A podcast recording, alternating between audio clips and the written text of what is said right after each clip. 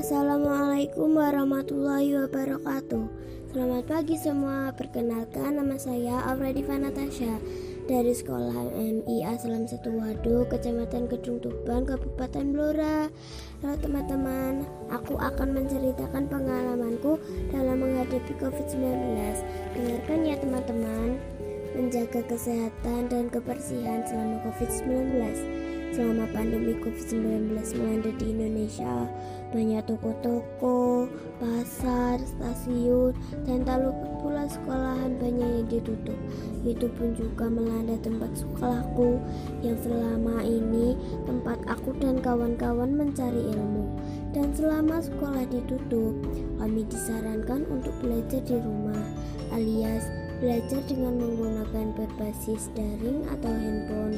Pada saat belajar menggunakan handphone, tidak sama seperti belajar di sekolah. Kalau di sekolah, aku bisa bertemu bapak atau ibu guru dan teman-teman. Dengan kawan-kawan bisa bercanda dan bergurau bersama-sama. Pokoknya seru sekali deh. Tapi kalau belajar lewat daring, setelah mengerjakan, aku bermain. Tidak hanya bermain, aku juga membantu ibu menyapu dan mencuci piring. Kalau sore hari, aku mengaji dan terkadang aku mengerjakan tugas dari bapak atau ibu guru lewat daring.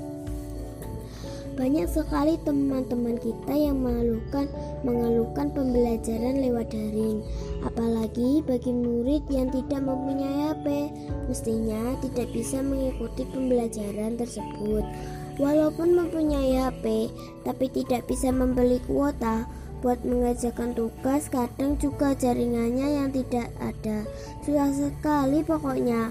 Bukan hanya aku, orang tuaku, bapak dan ibu guru pun bingung bagaimana cara menyikapinya supaya murid-muridnya bisa mendapat pembelajaran selama corona ini masih ada.